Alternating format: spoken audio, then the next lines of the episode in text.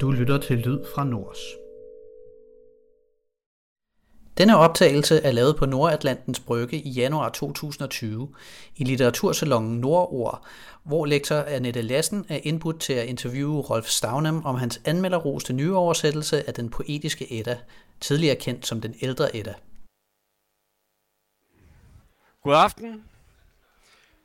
Hvor er det rart at se så mange her ude på øh, Nordlandens Brygge i vores litteratursalon Nord. Øh, og vi er yderst heldige i aften at have besøg af to yderst kompetente folk til at formidle både litteratur, poesi og både fra før og nu. Og i dag skal det især handle om før, men i et sprog, der passer til nu. Tag varmt og godt imod Annette øh, Lassen og Rolf Stavnem.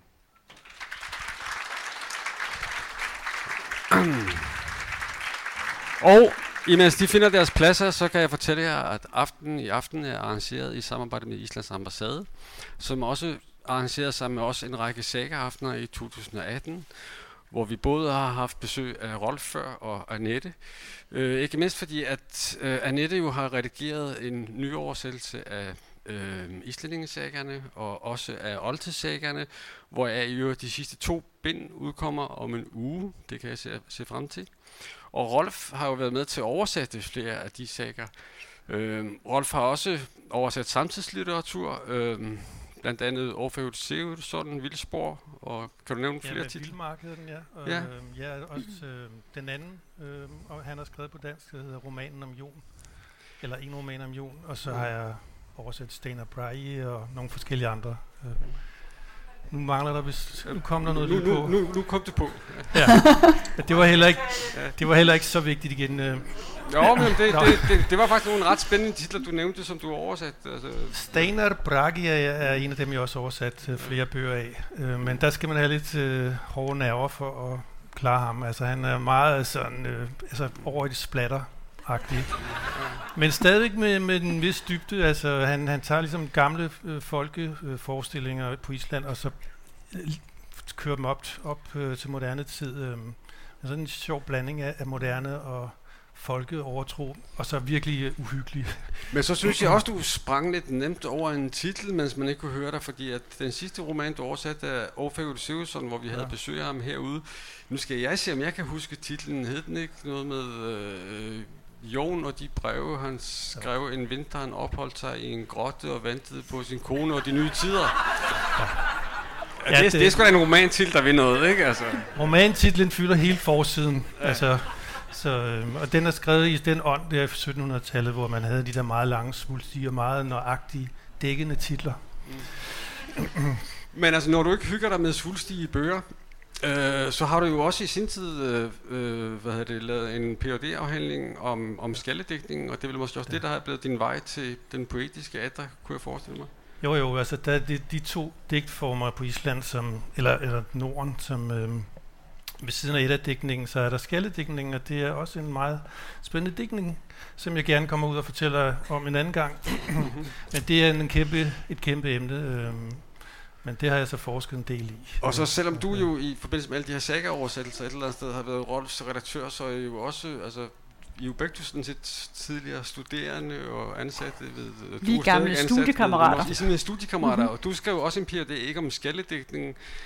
Du, du var så Ja. en, en smule mere sjofel, ikke, hvis jeg ikke husker helt forkert. Nej, det er Odin. Det ved jeg ikke. Det er ikke så sjovt. Nå. Øh, men fremstillingen af ham i forskellige, men det skal det ikke handle om i aften. I fremstillingen af ham i forskellige Islands øh, gamle tekster. Mm. Øh, han er en højst bøjelig og litterær figur. Og før jeg sådan forlader scenen og overlader jer trygt til de to, så vil jeg bare komme med den i bund og grund glædelige nyhed af Rolfs i forvejen meget anmelderroste oversættelse af den øh, poetiske atter. Den er simpelthen udsolgt. Og det er ikke kun udsolgt her, fordi de sidste bind er forsvundet fra bordet. Den er udsolgt fra forlaget, så interessen for den poetiske atter må siges at være i top. Øh, vi havde jo så skrevet på vores arrangement, at den kunne købes til særpris i aften. Og før I nu bliver fuldstændig bitre og tager det der Clint Eastwood-blik på og kaster det på mig, så vil jeg glæde jer med, at der ligger nogle breve fra øh, det kære forlag, som udgivet den, nede på bordet, med et tilbud om, at man kan forkøbe den kommende udgave til en billig penge. Det bliver så en slags øh, en lidt billigere udgave, en slags paperback udgave, som udkommer 1. marts. Øh, så kan I jo glæde jer over det i hvert fald. Men lige nu, så skal I glæde jer over, at vi har besøg af Rolf og Annette, og de taler sammen nu her cirka en lille times tid, og så kan I stille spørgsmål bagefter, før vi holder åbent i caféen. Tusind tak, fordi I kom. Tak.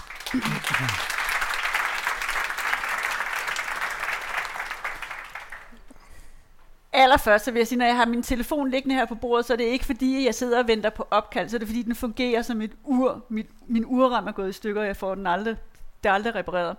Øh, så vil jeg ellers sige øh, tillykke til, øh, til dig, Rolf, med, øh, med den her bedrift. Øh, jeg kender øh, i... Øh, ja, blandt, blandt kolleger tre, som har talt om i øh, længere tid, at de vil godt nok gerne oversætte øh, den poetiske Edda, eller den ældre Edda, eller hvad man nu kender den. Og, øh, og før, de, øh, før de fik det gjort, så havde Rolf lige fået det gjort. så øh, øh, og det, altså, det er ikke en, øh, det er ikke, det er ikke en lille øh, bedrift, altså. Øh, så synes jeg også, at det, er, at det er ekstra sjovt, ligesom jeg sagde før, så er vi øh, gamle studiekammerater. Og, øh, og det eneste kursus, som, øh, som, øh, som vi faktisk har taget sammen, det var et øh, kursus om gudrunddigtene i, mm. øh, i den poetiske Edda, hvor vi sad, hvad sad vi? Tre studerende. Ja. Og så er det jo dejligt at se, at for det første, at, at så mange der er her i aften, og, øh, og også at, øh, at den her oversættelse er, øh, er blevet så godt modtaget, at den er blevet udsolgt, og at den øh, ikke mindst har fået så fine øh, anmeldelser, som er velfortjent, som den har fået. Men nok om det. Øh, Rolf, allerførst, så kunne jeg godt tænke mig, at du måske øh, ville fortælle os om, hvad det egentlig overhovedet er for et univers, vi befinder os i med de her Edda-digte. Jeg skal prøve, øh, altså det, først og fremmest så skal man vide, at øh, der er ligesom to former for digtene i øh, bogen her. Der er guddigte og øh, heltedigte. Og det starter, de guddigtene indleder, og der er 14 af dem. Tre af dem findes ikke i den bog, som, som øh, jeg har oversat efter, men det plejer man ligesom at, at inkludere. Der er jo en, en meget lang tradition, øh, der går tilbage, fordi Edda-digtene var jo noget af det allerførste, man oversatte næst efter Bibelen. Så det er sådan en, det er sådan en virkelig tung øh, tradition, kan man sige, som, øh, som kan være svær at rokke ved. Øhm, og der er også god mening øh, med at tage dem med. Så det vil sige 14 øh, guddigte, og så kommer der 18 øh, he- øh, heltedigte. Øhm, og de, øh, ja, det, det er en, øh, en, en meget stor kontrast der. Det, det passer meget godt med cirka halvdelen af, af bogen til hver. Øhm, og guddigtene, de er jo... Øh, hver især, hver, især, hver eneste digt er jo spækket med, med alle mulige ting og sager, problemer og gåder og mysterier og øh, øh hvad hedder det, mm, obskure henvisninger og også øh, altså sjov og ballade og komik og altså det, det er alt muligt. Øh, så det er svært med få ord og, og lige ramse op, øh, hvordan øh, universet er. Øhm, altså det åbner jo meget flot med, med Vølvens Spottom, som er den her enorme vision om øh, verdens skabelse og verdens undergang og en hel masse vigtige mytologiske begivenheder indimellem. Øh, den her vølvefigur, som optræder flere steder i dagen, øh, som øh, smertefuldt først bliver tvunget til at berette om, om, om sit syn. Hun er jo død, øh, eller vi ved ikke helt, øh, hvilken tilstand hun er i, men det virker som om, hun er en død person, som bliver manet op af jorden af, af Odin. Og det er jo træls. Og det, det bryder hun så ikke om. Men samtidig, så, så efterhånden, som hun kommer i gang med at, at fortælle om, om øh, og, og specielt når hun nærmer sig verdens undergang, så bliver hun også skræmt af de forfærdelige syner, som møder hende.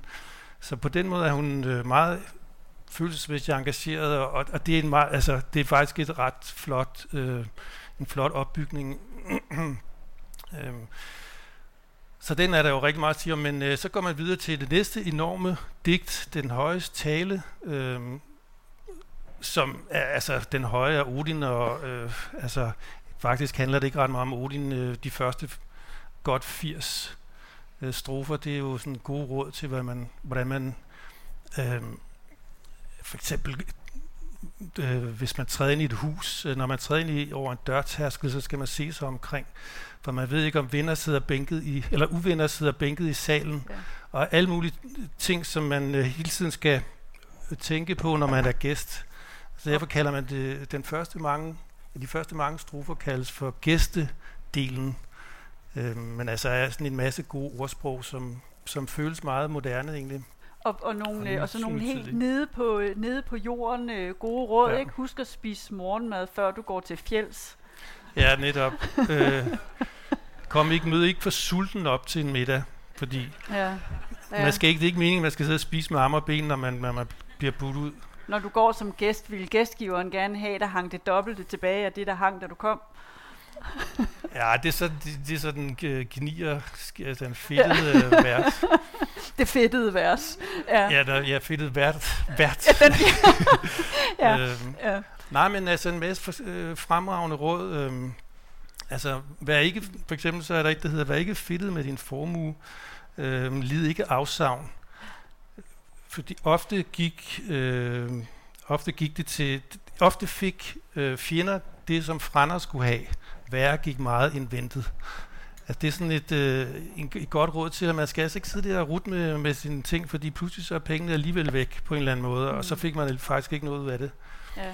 Øhm, og så videre, så videre. Men, men altså, allerede der, så er man, så er man jo øh, så er man godt i gang med et af med de her to øh, mastodontiske digte. Ja. Øh. Og hvis man så springer, fordi så har vi har øh, øh, Vølvene, den her spokkvinde, som, mm. øh, som, som vender tilbage i, øh, i, i, i flere af de her øh, digte om guderne, og Odin, som vender tilbage øh, som en vigtig skikkelse i flere af digtene, og så er der, og så er der en del Thor-digte mm. også. Øh, men, men når man så kommer over til heltedigtene, hvis du vil bare sådan sige lidt om, for nu talte du om, der var, hvem, der var en forfatter, man skulle passe på med at læse, fordi der var for meget splatter.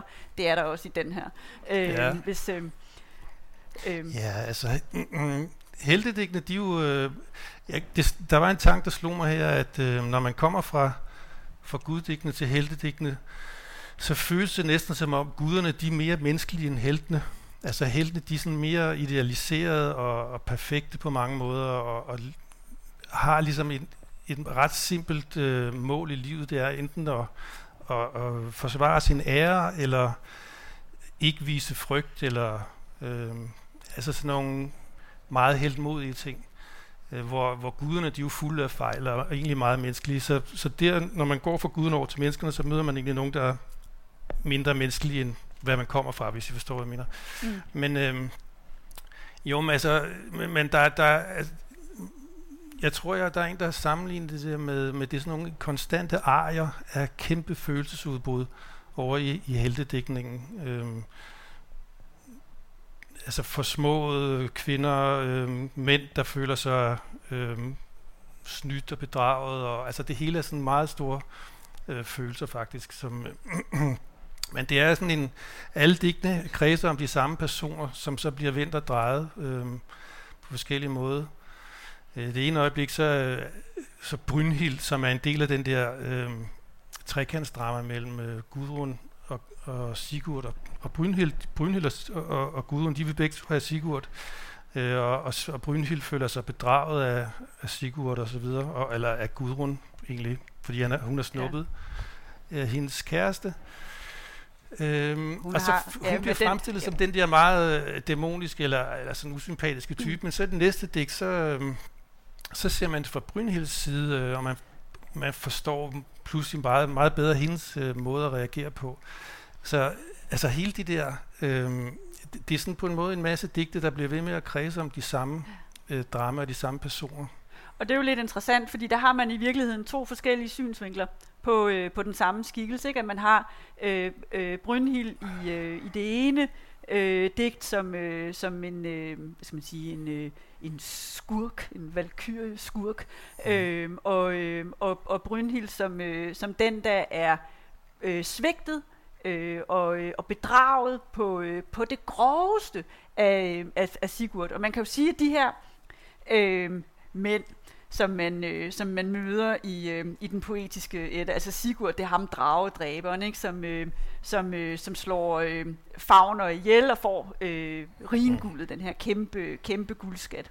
Øh, og, øh, og da han har da han fået guldskatten, så, øh, øh, så finder han øh, Brynhild, som er blevet stukket med en søvntorn af Odin, fordi hun har givet den øh, unge konge sejr i kamp, og ikke den gamle, som Odin ville have. Øh, og, og han har, han har sagt, at skal, skal hun blive gift. Øh, og hun har til gengæld sagt, så vil jeg kun blive gift med den mand, der ikke kan blive bange, og det er, det er en mand i hele verden, og det er Sigurd. Og han, øh, han kommer igennem ilden ind til hende, og, øh, og ser, øh, eller hvad hedder det, snitter brynjen op, og, og der er den her kloge kvinde, som kan en masse runevisdom også. Mm. Øh, og, øh, og de sværger, at de vil giftes med hinanden. Og så får øh, Sigurd en, øh, en, øh, han rider videre, øh, og så får han en trylledrik af Gudrun Gjugedatters, Gjuges datters mor, som er sådan en, øh, sådan en, en rigtig led. Grimhild hedder hun. Grimhild, ja. øhm, og så glemmer han ligesom bare øhm, Brynhild. Ups. Ja. og det, det lyder som verdenshistoriens dårligste undskyldning. ja. øhm, men, øh, men i hvert fald så ender han med at blive gift med, med Gudrun, og så man kan forstå fra, fra Brynhilds synsvinkel, ikke? at der, hun, er, hun er virkelig blevet bedraget. Men, øh, men, øh, men en del af de her, altså Gudrun-digtene, ikke? de har jo øh, sympatien hos, øh, hos Gudrun. Mm. Så der er jo nogle vældig interessante øh, kvindeskikkelser i, øh, i de her, i de her øh, digte. Også nogle interessante øh, mandeskikkelser, men, øh, men øh, jo, men altså, jeg synes, at Brynhilde, hun er bestemt øh, interessant. Altså, øh, som typisk også, altså det er jo ikke kun mændene, der opfører sig heroisk, og hun, hun mener også, ligesom efter hun har fået Sigurd slået ihjel af, af nogle andre selvfølgelig, så, øh, så, tænker, så, så lægger hun sig også til at dø. Altså hun stikker et svær i maven, og så lægger hun sig godt til rette, øh, og, og mens hun ligger der på nogle puder øh, og forbløder, så, har, så Ja, så har hun sådan, øh, hvad skal man sige, ordet i 50 strofer cirka. hvor hun, øh, det, er det, der, det er det der med arie. Ja, det er sådan arie, det er arieagtige. øhm, ja. Og der, der, det er meget interessant, fordi øh, for det første, så, så, så tilbyder hun nogle af sine, øh, sine tjenere og tjenerinder, at hvis de vil følge hende i døden, så, øh, så skal de nok få en pragtfuld begravelse og sådan noget. Men hvis ikke ja. de vil følge hende, og det er der sjovt nok ikke nogen af dem, der vil. så, så siger hun, jamen det respekterer hun fuldstændig, men altså de får ingenting med i, i deres grav. Altså der er intet gods eller noget som helst. Øhm, så, og så fortsætter hun ellers med at, at, at diktere eller, eller organisere sin egen begravelse. Hun skal ligge på en helt bestemt måde, og sammen med den og den, og hun skal have nogle forskellige dyr, der skal slagtes, som skal lægges, lægges øh, på forskellige måder i forhold til og, og sådan det, helt, altså det er så hårdkogt, som det næsten kan blive på en måde. Ikke? Øhm, mm. Så det er meget, egentlig meget fascinerende. Øhm. Ja, ja. Hun er i, den findes jo, eller, eller øh, øh, de her øh, digte om, øh, om Gudrun og Brynhild og Sigurd findes også i, øh, i oldtidssagaen, altså Vølsungernes. Vølsungernes saga. Øh, og da, øh, da, de, øh, da, da Gudrun og... Øh, hvad hedder det, Brynhild og Sigurd øh, sværger, at de vil giftes med hinanden, så, så siger Brynhild, jamen altså, jeg skal jo stadigvæk ud og slås. øhm, som, er, som er, hvad skal man sige, denne her øh, mere, eller større snakkesalighed, som er i prosaen, der er i de her meget skarpskårende øh, øh, strofer, ikke, kan man sige. Men hvis man nu kigger på, øh, på, øh, på Gudrun, så, som er denne her, som, øh, som ved sådan et, øh, et ufint bedrag er kommet til at blive, øh, blive gift med, øh, med, med, med Sigurd. Hvad er hun så for en? Kan man, øh, kan man øh, Jamen. Jeg, jeg har en god ven på Island, som kalder hende en jammerkatse, ikke? fordi hun bare jamrer lidt for meget i de her digte. Jo, altså nej, jeg, det, det er jeg ikke helt enig i, men igen, der er jo det, der er noget, der hedder det første gudrundigt, der er noget, der hedder det andet gudrundigt, det tredje gudrundigt, gudrundigt, ja. øh, og, så, og så videre. Der er flere andre digte, hvor hun, hvor, øh, hvor det virker som om, øh, at det er forskellige forfattere, der, der er bag, eller der, der er ligesom en forskellig øh, stemning øh, fra digt til digt. Øh, så der er et digt, hvor hun, hvor, hvor, hvor øh, hvad skal man sige, plottet, eller hvad, øh, altså det hele handler egentlig om, at Gudrun kan ikke græde. Altså hun sidder ved siden af Sigurd og sørger over ham, men hun kan ikke græde. Og, og der er et eller andet og, sådan... Og, og, ja, og hvorfor er Sigurd død? Ja, ja, men det er fordi Brynhild øh, fik ham dræbt jo. Ja, og så ja, og det de to hans øh, øh, hvad hedder det øh, Eds brødre, som er Gudruns brødre, de har, de har fået deres lillebror til at slå ham ihjel. Det er sådan en rigtig beskidt ja. familiehistorie. Ja, han var ikke omfattet af eden, så han kunne godt gøre det. Han kunne nemlig godt gøre Men det. Men altså, i hvert fald så sidder de der, øh, og, og så for at få hende til at komme i den rigtige stemning, så sidder de andre kvinder øh, i familien ligesom og fortæller om grufuld historie om deres egen øh, fortid. Men det hjælper sig ikke rigtig på Gudruns sorg. Hun sidder stadig sådan helt, sådan, altså, som om hun er på bristepunktet, men, men tårerne vil ligesom ikke øh, strømme. Og så er der en, som siger, jamen øh, alt det der med de andres øh, sover, det nytter ikke noget. Nu, nu gør vi sådan, at vi fjerner klædet, der ligger hen over øh, Sigurd, og så skal Gudrun få så at vide, at hun skal gå hen og kysse sin mand, sådan som hun gjorde, da han var i live. Og det, så den der meget fysiske ting, hun så gør, som så for, øh, ligesom åbner for, for alle sluserne.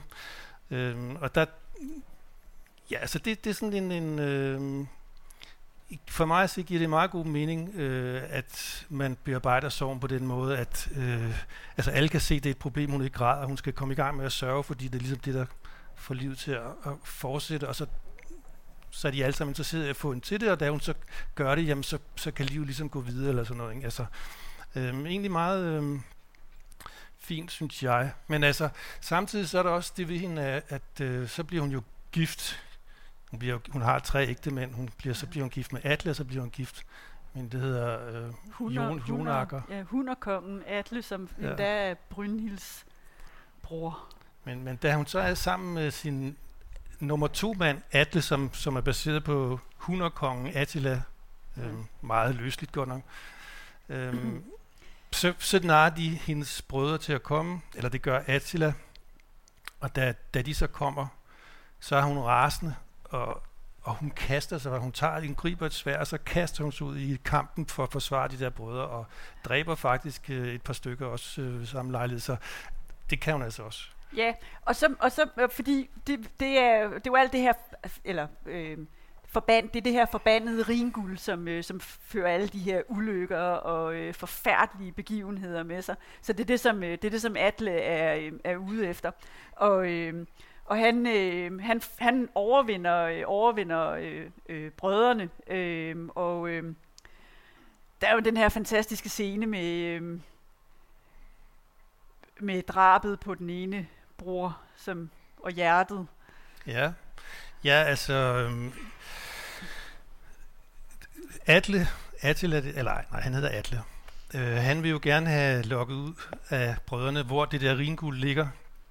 Øhm, og så siger han, han tror så med at... Øh, ja, hvordan er det, det hænger sammen? Skærer hjertet ud af brystet på... Øh, ja, nej, det Sigurd Stejlslur øh, Gunnar siger, at han vil ikke først sige det, når han, øh, når han ved, at øh, brormanden der er blevet dræbt. Ja. Høgne, ja. Vel, ikke? Så derfor kræver han Høgnes øh, hjerte på et fad. Og så først så kommer, så kommer der et hjerte, som han kan se. Det mener han altså at kunne se. Det er ikke Høgnes hjerte. Ja, fordi, de tager, de tager, men det, ja. de tager, de tager de går ud til, øh, til sådan den, en usel træl. Og i den her verden, der er tralle usle. Øh, øh, og øh, Jalle hedder han, og, øh, og, skærer, øh, og skærer hjertet ud på ham, og så serverer, eller ikke serverer ja. de det, siger hvad hedder de, øh, øh, præsenterer de det for, øh, for Gunnar, og så, og så siger han, det der, det er den feje Jalles hjerte, og det ligger og bæver der på fadet, men det bævede dobbelt så meget, da det var i hans bryst. Ja, og, så, og så skærer de hjertet ud på, øh, på hyggene bagefter. Og, så, ja, og det kan, man, det kan Gunnar med det samme sige, det er det rigtige hjerte. Ja. Og så griner han bare højt og siger, jeg har, nu ved jeg med sikkerhed, at jeg er den eneste, der, der bevarer hemmeligheden om ringuldet, så nu kan han være helt tryg, at han ja. kommer aldrig til at, at sige noget om det selvfølgelig. Øhm, og så smider, og så smider Atle ham i øh, ormegården, og, ja. han, øh, han, øh, og han får bundet armene, øh, men så spiller han bare på en harpe med fødderne, bedre end andre folk kunne med hænderne. ja. Det var, den gang, det var den gang, der fandtes rigtige mænd. Jo, men det var fordi, man, øh, man har den der forestilling, som er noget folklore, halløj, at ja. øh, hvis man spiller for et uhyre, en, en drage eller en slange eller et eller andet, så falder de ikke falder i søvn eller sådan noget, men de bliver ligesom pacificeret. Så så længe han kan sidde og klimpe på de der strenge, øh, og det skulle efter sigende have været utrolig god musik, øh, står der en eller anden forbipasserende bemærkning. Øh, så kan han ligesom holde dem i skak, men på et tidspunkt, så, så går den ikke længere. Så.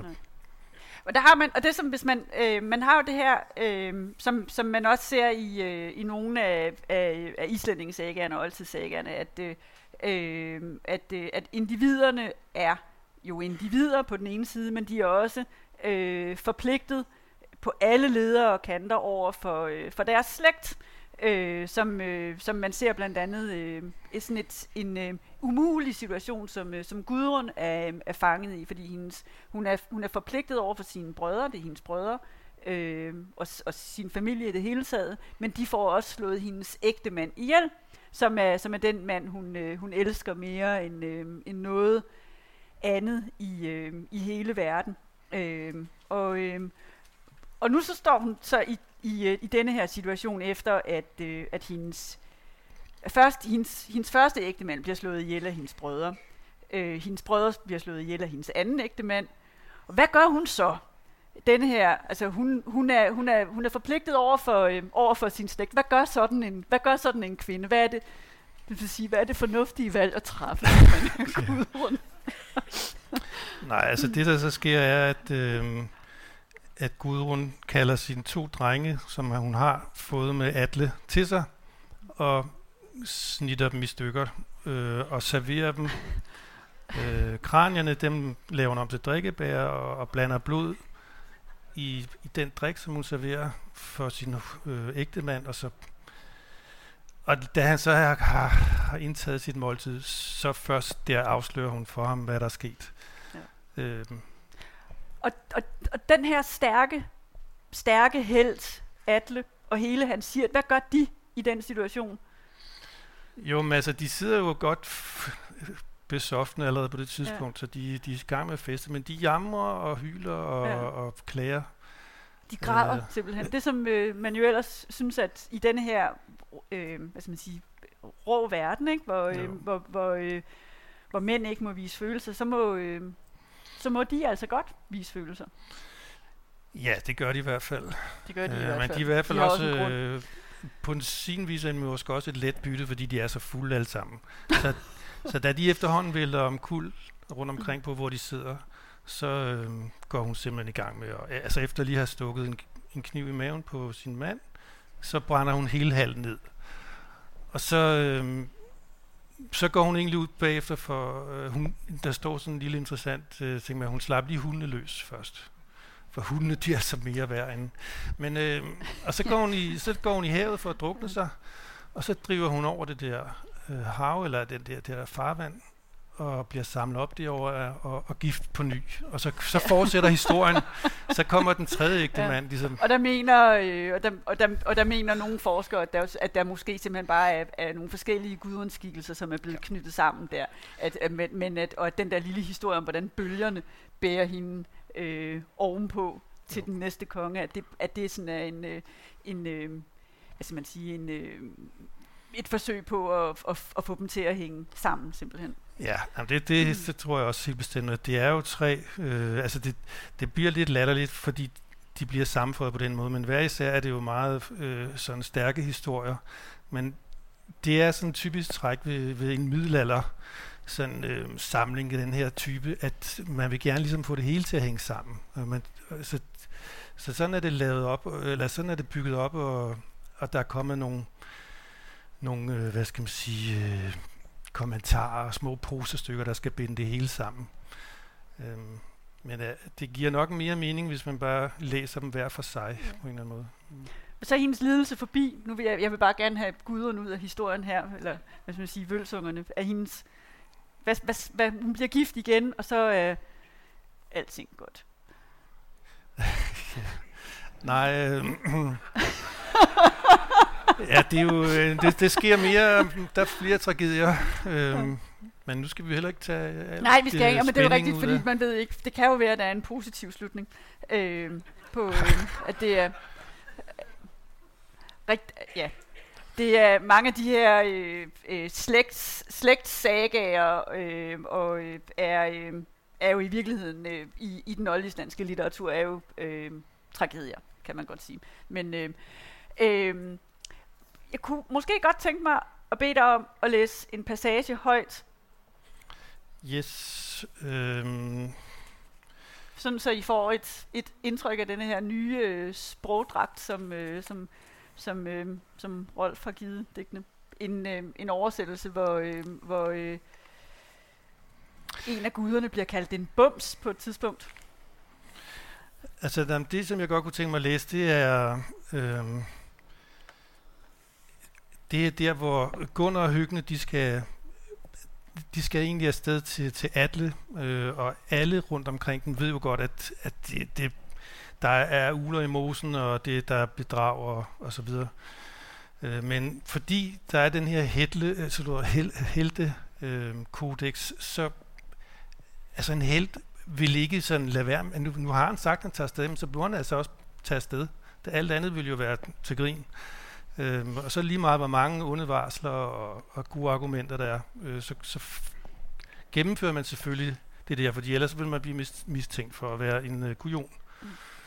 Øhm, men der er to varianter af den der historie, og den ene, den er meget øhm, præget af, af det kvindelige syns, øh, øh, et kvindeligt blik, vil jeg i hvert fald mene. Øhm, og det, det, som jeg vil læse, det er, at øh, af Gunners, øh, nej, det er Hygnes kone her. Men Gunners kone prøver det samme. Man følger ligesom, hvordan øh, både Hygnes og, og Gunners kone prøver at tale dem fra det. Øh, så her, nu vågner de så øh, midt om natten, og, øh, og så siger Hygnes kone til Hygne. Du vil rejse, Hygne, men lyt til mit råd. Få forstår runer, rejs en anden gang. Jeg tyede runerne, din søster ristede. Denne gang bød den blonde der ikke hjem. Jeg er forbløffet, forstår stadig ikke, hvorfor den kloge frue rister så mange fejl, som om hun under budskabet antyder, at I begge dør, hvis I drager der til. En rune mangler eller blev raderet. Det er meget sjovt også, at det- at den her kone er sådan en runeekspert, altså hun hun er meget, øh, hun kan lidt af hvert.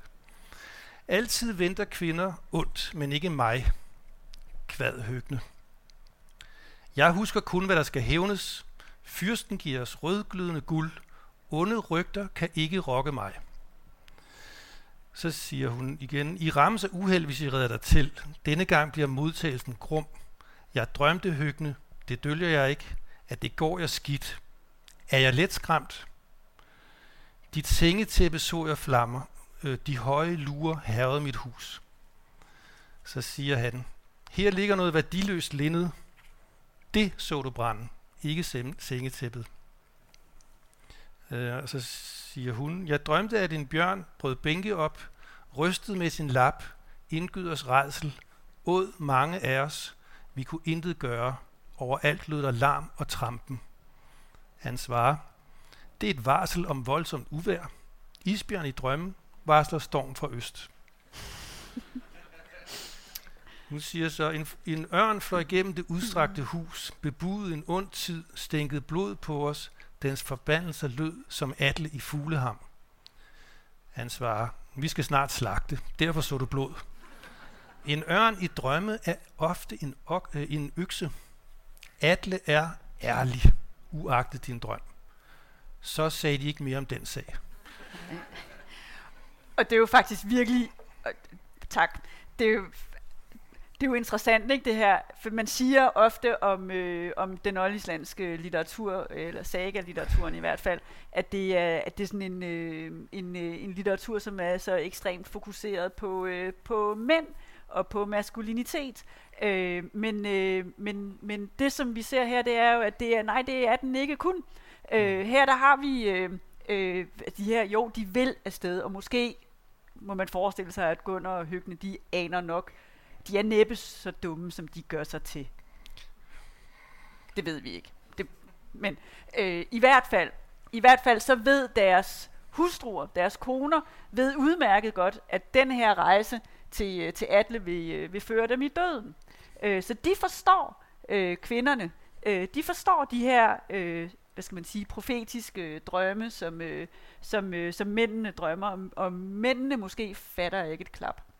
Øh, og det ser man i, øh, det, ser, det er et, et, et, øh, et træk, som man ikke ser i islændingssagaerne, det ser man også i oldtidssagaerne, at, øh, at dronningerne, de forstår, øh, hvad det er, kongerne drømmer. Kongerne, de misforstår det hele. Mm. Øh, som er interessant, og som får mig til at, eller giver mig lyst til at spørge dig om, øh, hvem tror du egentlig har øh, skrevet eller har digtet de her digte, og hvem tror du har læst de her digte? Øhm, altså, jeg tror, hvis man snakker om heltedigtene, så, øhm, så er de, altså de, de, byg, de bygger på nogle meget gamle historier, tydeligvis. Altså Sigurds øh, drab af dragen, øh, Fafner, er noget, som man kender fra øh, billeder og, og så, så videre. Øh. Øhm, men så gennem tiden, så, øh, så er der opstået den her interesse for, for, for de her personer, som er involveret i det, her, i det her drama. Og pludselig så, så opstår der et digt, hvor man skal høre Brynhilds side af sagen. Ikke? Så opstår der et digt, hvor man skal gennemgå, hvordan præcis reagerede Gudrun, da hun fik meddelelse, om, eller da, da hun sidder ved siden af Sigurds lig. Der er sågar et digt, der handler om, øh, at Gunnar, han bliver jo så enkemand efter øh, Brynhild dør. Og så skal vi høre om hans øh, elskerinde, det er sådan en helt særligt digt, som, som i også handler om, at øh, denne elskerinde tager ud for at forløse en øh, kvindes, øh, altså hvad hedder sådan noget, hjælpe en kvinde med at føde.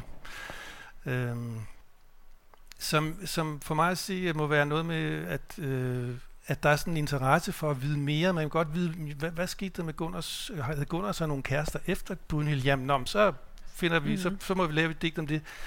Øh, lidt ligesom øh, altså, som man kender det fra kristendom også, hvor man hvor man ikke, altså man skal vide noget om Maria selvfølgelig, men så skal man jo også vide noget om Marias forældre, og så begynder det at gribe om sig. Øhm. Mm. Ja. Ja, og så må man tænke sig, at den person, i hvert fald hvis man ser på, øh, på denne her, altså hånd, det håndskrift fra cirka 1270, som, øh, som indeholder de fleste eddadigte, og som, øh, og som du i din oversættelse øh, øh, følger øh, bortset fra, fra de tre gudedigte, som du har øh, øh, hvad skal man sige, værfet ind i øh, gudedæknings Sådan øh, som del. traditionen som, som øh, traditionen er, ja, det er, ikke, ja. det, er ikke, det er ikke noget, som du sådan frægt selv har fundet Nej. på, kan man sige. øh, men, øh, men, men, men den person, som, øh, som har siddet der i øh, Island i øh, 1200-tallet og har samlet de her digte, har, øh, har haft sådan en eller anden antikvarisk interesse, ikke, må man, øh, fordi nogle gange så får vi lov til at høre hans stemme, og, øh, og i øh, kvadene om, øh, om Atle, eller der er faktisk to kvad om Atle, øh, der er Atle-kvad, og så er der det grønlandske Atle-kvad. Øh, og hvis han nu bare var, jeg siger han, fordi jeg forestiller mig, jeg forestiller mig, at det har været en munk på et benediktinsk kloster i Nordisland, Øhm, øh, men, det kan, øh, men øh, så det er derfor, jeg siger han. Øh, øh, hvis han kun havde været interesseret i, øh, i handlingen, øh, så ville han da bare have taget det ene atledigt. Ikke? Men han har øh, taget sig det besvær at kopiere øh, begge de her begge de her digte. Og det skal vi bare huske, ikke? at vi er, en, vi er i en tid, hvor bogproduktionen er besværlig og kostbar. Ikke? At det er, det er bøger, som er, som er, som er skrevet med øh, fjerpen, altså hærdet øh, fjerpenne, øh, hjemmekogt, øh, eller klosterkogt øh, blæk, øh, og, øh, og, og, og, og skrevet på, øh, på tørret, strukket øh, kalveskin. Ikke? Det, er, det er en langsommelig og en kostbar proces. Jo, ja, altså, men netop hvorfor er to øh, varianter af samme historie med? Øh, og det kan jo så skyldes det, som, øh, jeg ved ikke om vi lige nævnte det før, men at øh, altså det virker som om, da det ene digt øh, i høj grad repræsenterer et kvindeligt synspunkt. Det er meget kvinderne, der kommer til ord. Det er deres bekymring, øh, deres øh, hvad hedder det, ja, bekymring for, det, for, for mændene. Øh, mens det andet, det, er meget, det, det fokuserer meget mere på alle de værdier, som øh, Gunnar og Høgne kan opnå ved at tage ud til Atle. De er blevet lovet, altså får man ramse op, så også mange guldindfattede spyder, så også mange meget smukt dekorerede skjolde og sådan noget.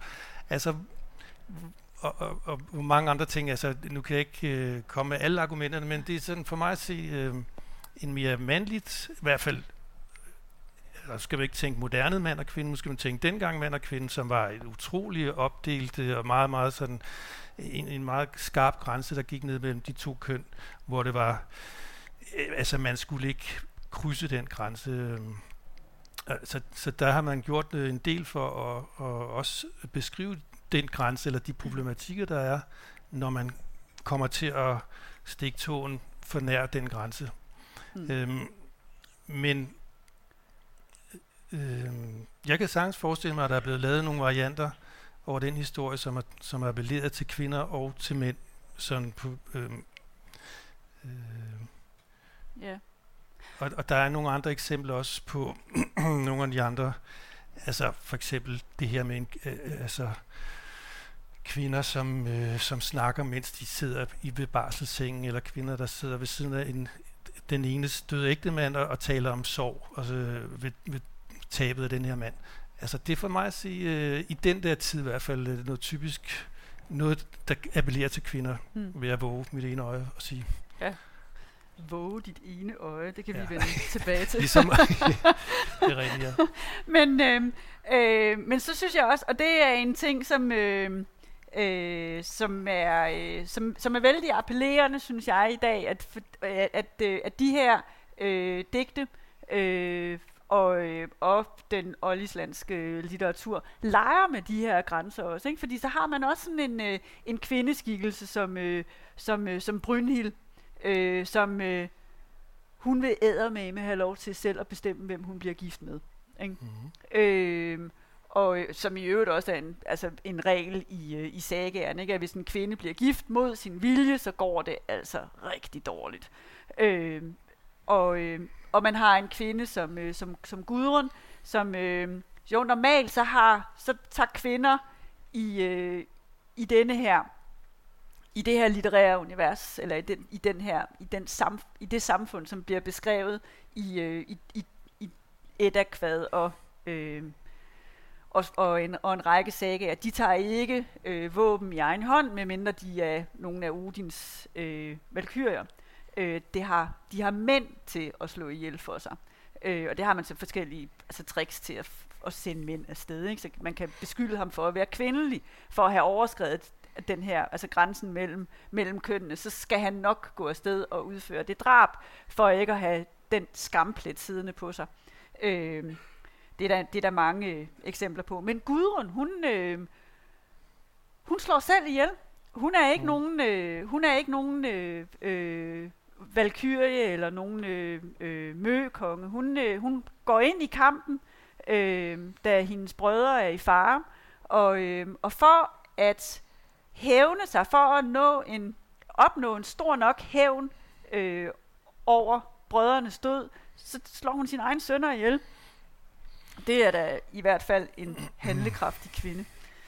Øh, men hvis vi nu går tilbage til gudedækkene, du, du nævnte før, og det er jo er jo faktisk vældig interessant, at, øh, øh, at guderne er mere menneskelige, end menneskene er i, øh, i den her digtsamling.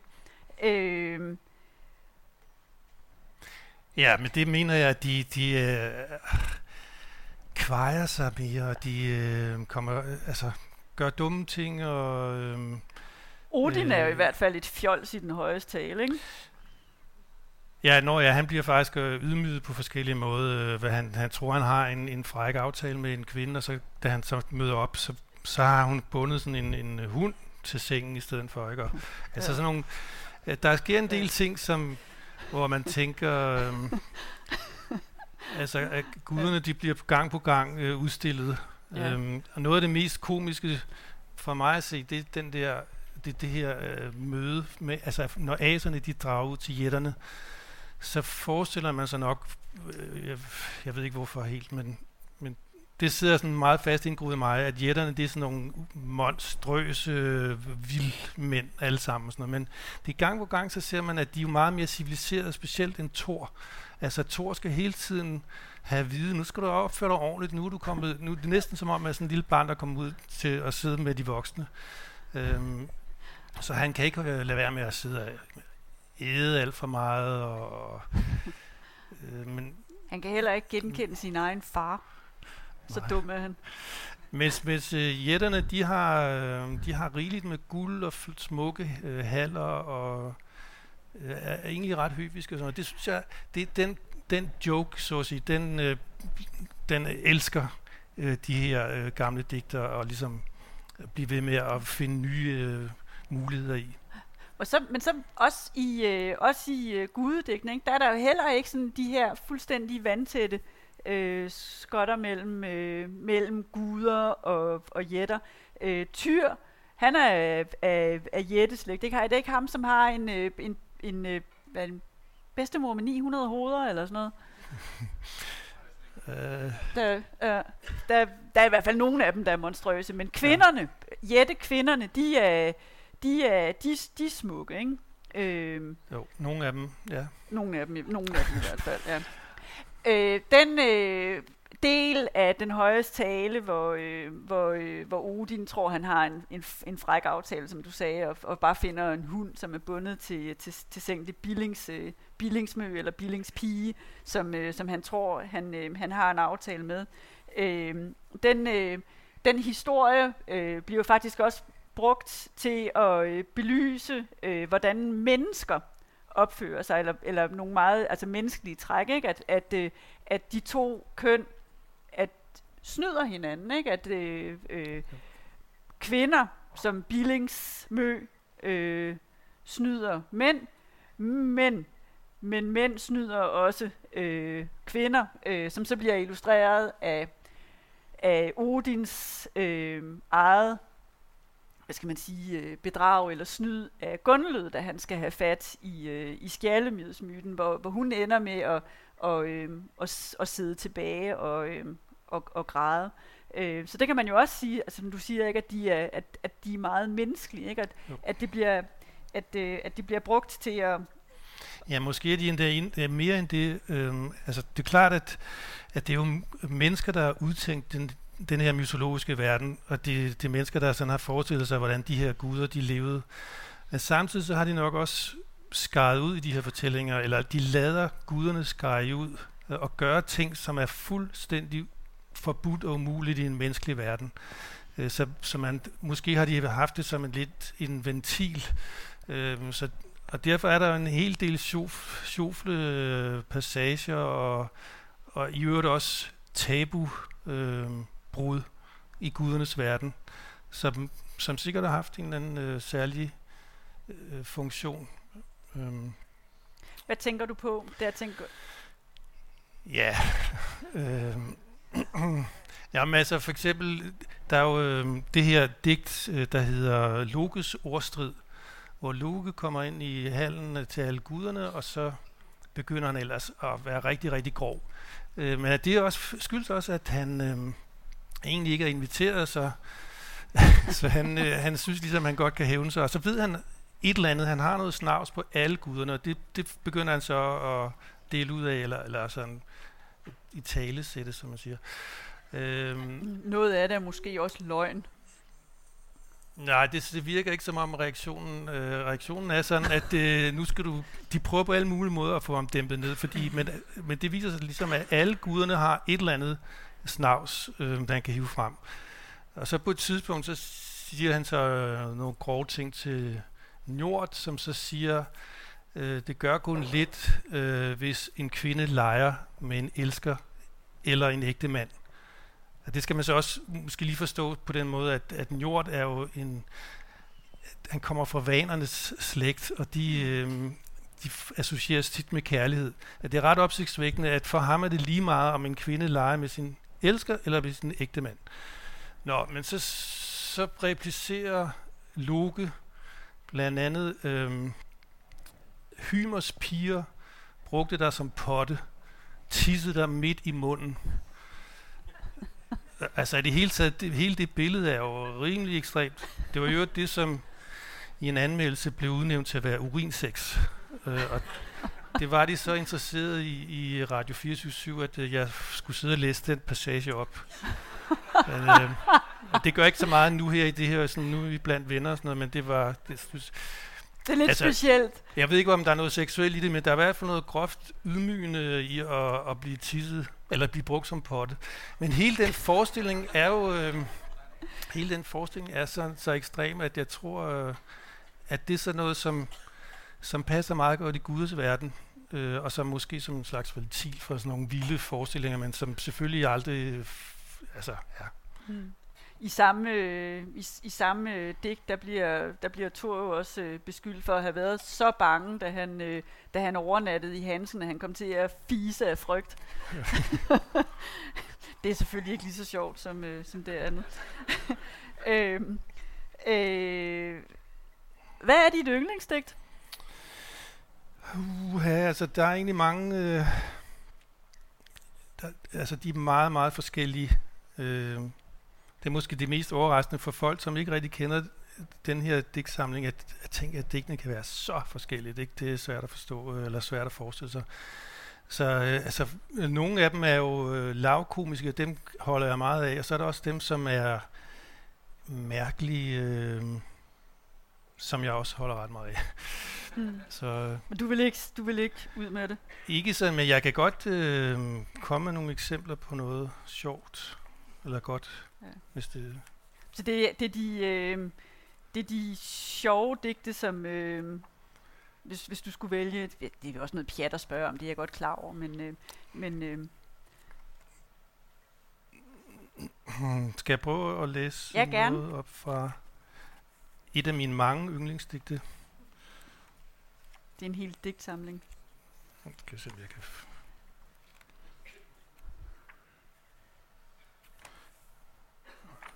hvis jeg kan finde dem. Altså det er, sådan, det er jo mange yndlingsdigt, tror jeg. Øhm, det er altså det her, som hedder Trymskvadet, hvor øh, Thor får stjålet sin hammer. Og så klæder han sig ud som, øh, eller så for at få den tilbage, så, så går han så øh, med til at blive klædt ud som øh, en kvinde, som så, altså han skal ligesom gå for at være frejer, og så øh, blive gift med med, med Jetten, der har stjålet, øh, han hedder Trym, ja, han, Jetten, der har stjålet hammeren. Og det er jo simpelthen den mest tykke symbolik, at i det øjeblik, han mister sin hammer, så bliver han feminiseret. Altså, altså han mister sit værktøj, han, han bliver en kvinde. Nej. Jamen altså, øhm, det gør han på sådan en meget direkte måde. Han får en brudekjole på med sådan en slør. Han er så starter jeg herfra. Altså, de kommer til Trym, som, er, som har legnet op med det helt store brudefest. Øhm, de, de ankom der til tidligt på aftenen. Øl blev stillet foran jætterne. Elite åd han, altså Thor, en okse, otte laks og alt kredset tiltænkt kvinder. Sifs mand tømte tre kar med mjød. Så sagde Trym, Tursos herre, hvor så man en brud bide skarpere? Ingen brud så jeg bide bredere, eller nogen mø drikke mere mjød. Imellem sad den snu tjenestepige, det er altså Loke, og søgte svar på jættens snak. Han er jo, altså, han er jo udklædt som, hendes, som, som Frejas øh, brudepige. Og han, der er han ikke noget imod? Nej, nej, det, det er helt det er fint. fint. Det er ikke engang særlig truende for ham, fordi det, han, det har han prøvet så tit, uh, den slags ting. så det, det er vel lidt værre for Thor. Ja. I otte nætter har Freja intet spist. Vild af længsel efter Jetters verden. Han lignede på sløret, havde lyst til et kys, susede sig ud af den udstrakte sal. Hvorfor er Frejas øjne så frygtelige? En ild synes at brænde i øjnene. Imellem sad den snu tjenestepige og søgte svar på Jettens snak. I otte nætter har Freja ikke sovet, vild af længsel efter Jetters verden. Altså hendes øjne er simpelthen så brændende, at det er fordi hun har mangel på søvn. Ja, det. Ind trådte Jettens usle søster. Hun bad våget om brudens medgift. Giv mig røde ringe fra dine arme, hvis du vil opnå mit venskab, mit venskab, min fulde kunst. Så sagde Trym, Tursos herre, bær hammeren ind. Bruden skal vis, læg mjølner i møens skød. Det er også ret tyk symbolik. Altså værktøjet bliver lagt i skødet på ja. Vi skal vise med vores hånd, hvor det er så en gud inden for løfter mellem mænd og kvinder. Let til sinds slog Loride, det er altså Thor, ved gensynet med sin grumme hammer. Trym dræbte han først. Tursos herre bankede sig alle jættens slægtninge. Han dræbte jættens elgamle søster, der havde bedt om brudens medgift. I stedet for guld fik hun et gok. For herlige ringe et hammerhug. Sådan fik Odins søn hammeren igen. Så sådan slutter det. Ja. og, det er jo, og det er på mange måder jo faktisk et, øh, et, et super, øh, super, super interessant digt. Det er at, at, øh, øh, sprog, hist, eller hvis, hvis man siger sproghistoriske undersøgelser, så, øh, så har det øh, træk, som øh, peger på, at det skulle være et af de øh, allerældste øh, etterdigte. Øh, men øh, men øh, samtidig så øh, mener man, eller de mange forskere er enige om, at det nok er et af de yngste, og at det måske endda er, øh, at, er skrevet, skrevet øh, i 1200-tallet, mm. og, at, og det er endda blevet foreslået, at øh, Snore, at det Snore Sturlusen, hver gang der er noget, som er rigtig godt, så tror man, at Snore er forfatteren, øh, og også, øh, også Trymskvadet. Så er der også nogen, som har forsøgt at vende det hele på hovedet og sagt, at, at øh, i virkeligheden så er det en, ligger der en, øh, en norsk, en gammel urgammel norsk original bag det her digt, mm. øh, som, øh, som så er kommet til Island i, øh, i, i 1200-tallet efter øh, Snorre skrev sin Edda, altså prosa-Eddaen, og at det er derfor, han ikke har det digt med. Så, øh, så som i virkeligheden illustrerer meget godt, hvordan forskningen på mange måder er ude at sejle ja. øh, med, med Edda-digtningen. Fordi det, er, det er jo lige mine ord, at det viser faktisk, hvor lidt man ved om Edda-digningen. Ja. Man har en væld af spekulationer, men der er så mange ubesvarede spørgsmål øh, ved dem. Yeah. Så når nogen tror, det er ungt, og nogen tror, det er gammelt, og, og altså, men ja, vi ved faktisk ikke særlig meget om det. Mm. Øh, men det er, det er selvfølgelig interessant, at, at den store autoritet inden for det gamle, den gamle visdom, øh, altså Snorre, som, Snorres, altså, som samlede sin viden i Snorres Edda, han nævner slet ikke det her digt. Det, det er selvfølgelig værd at, at gruble lidt over, men men der er mange andre ting, øh, som han ikke nævner. Så jeg ved ikke, hvor meget man kan konkludere ud på baggrund af det. Man kan ikke bevise særlig meget af den her videnskab overhovedet, og det er det problem, som man altid står for, når man, øh, når man har med sådan en anonym øh, digtning at gøre. Og der kunne jeg måske også øh, tænke mig, fordi nu har du denne her altså det er en ganske tung bog, og der er en sten udenpå.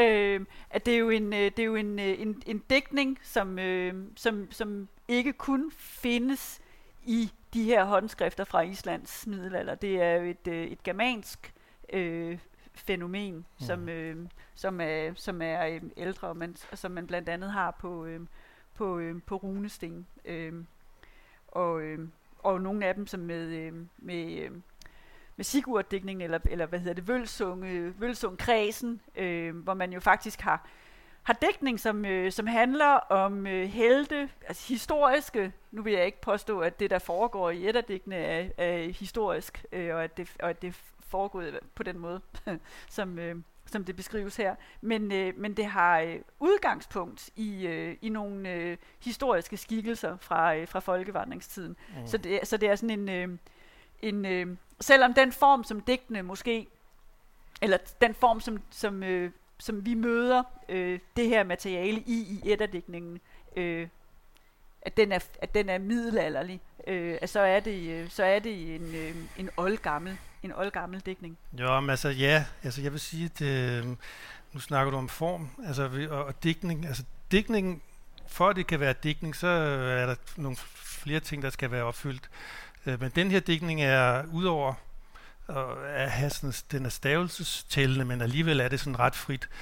Øh, altså nogle, for, øh, visse øh, linjer kan være fra to til fem stavelser, så det er alligevel ret, øh, Men en ting, som er fuldstændig urokkelig, det er, er bogstavrimet. Og det kan man altså se går rigtig langt tilbage.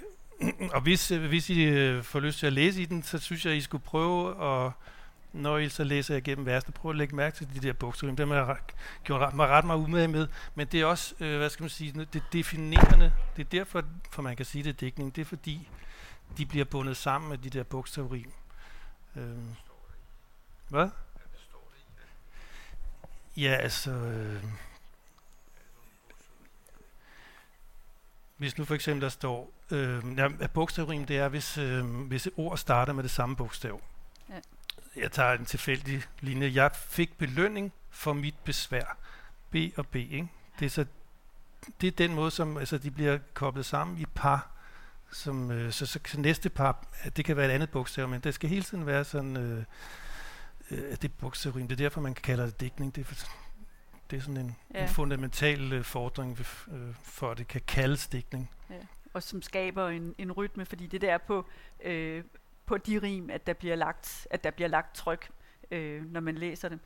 Øh, det fører mig egentlig til at ville spørge dig om dine idealer som oversætter af, som Edda oversætter. Ja.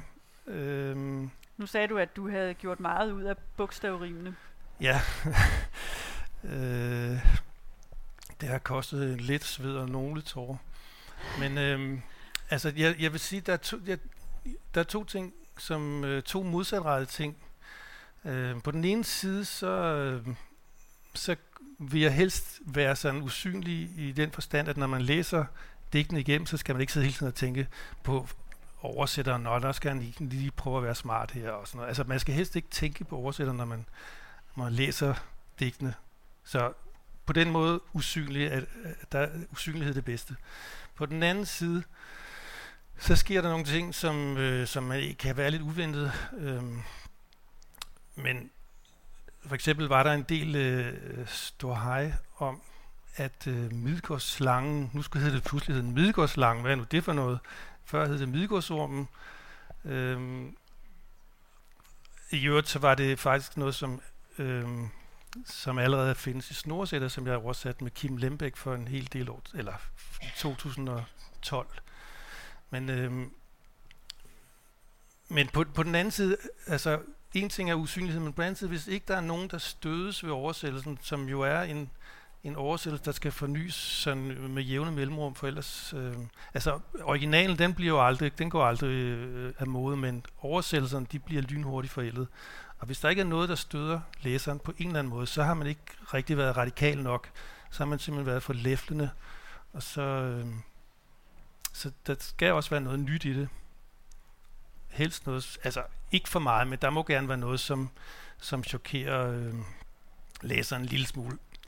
ja, så jeg tænker på, at der er for eksempel et, et, øh, et, et, et digt i øh, øh den højeste tale, der hedder Middelklog bør en mand være.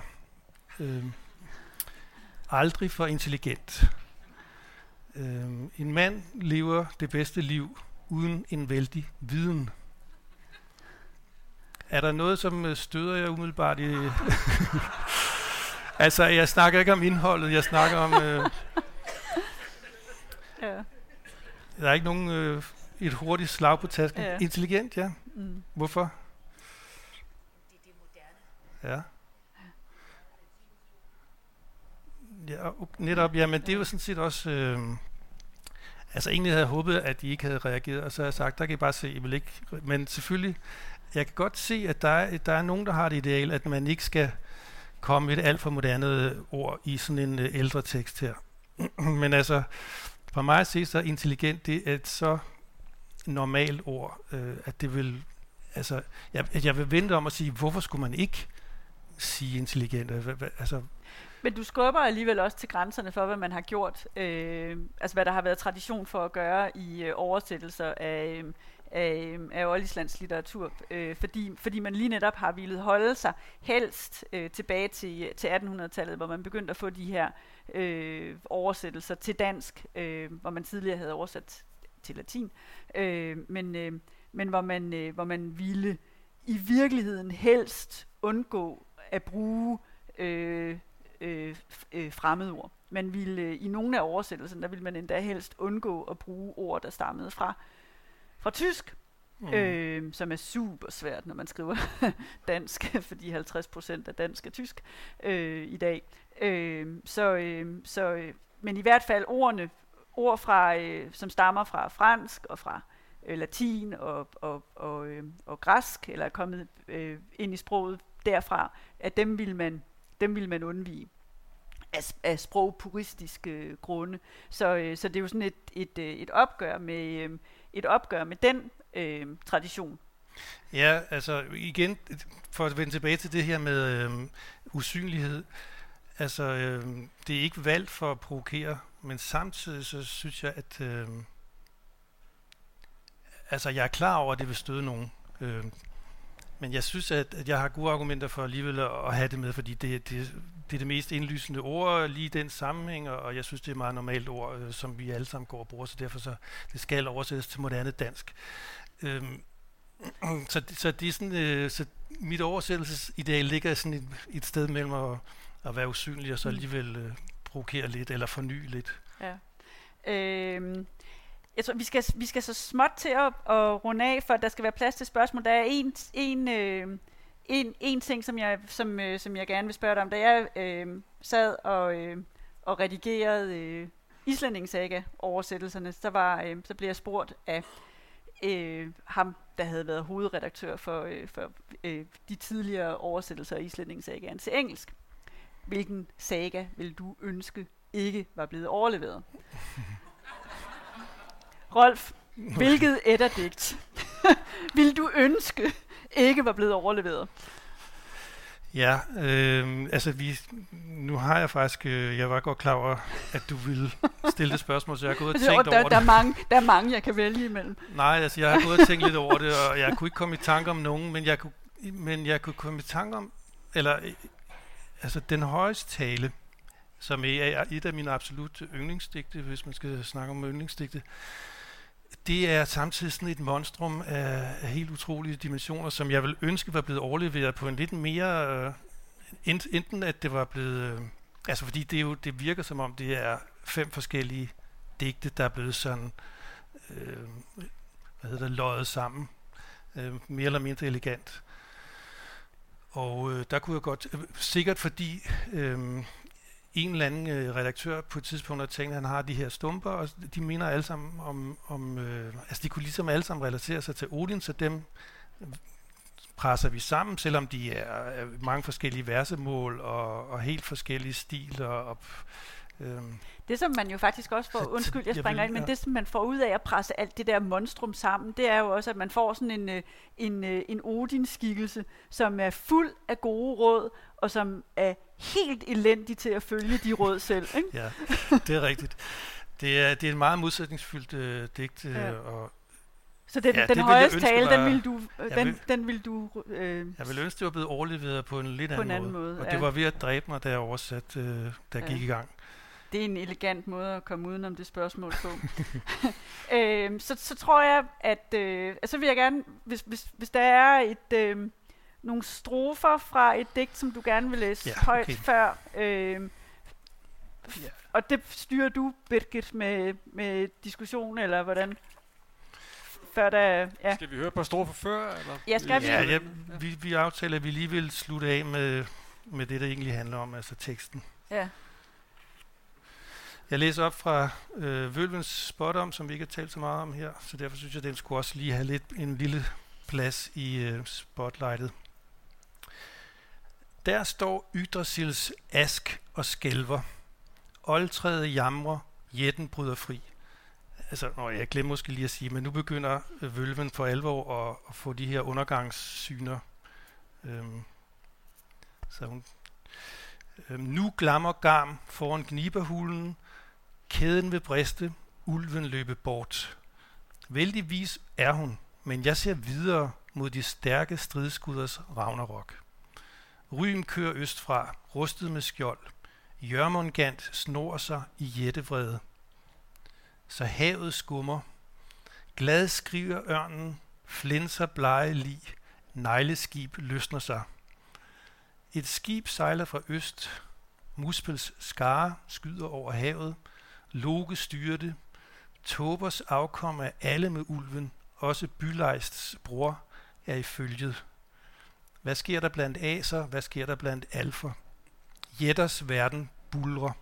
Aser er på tinget, dværge stønner foran stendøre, klippevækkes herskere, ved I nok eller hvad?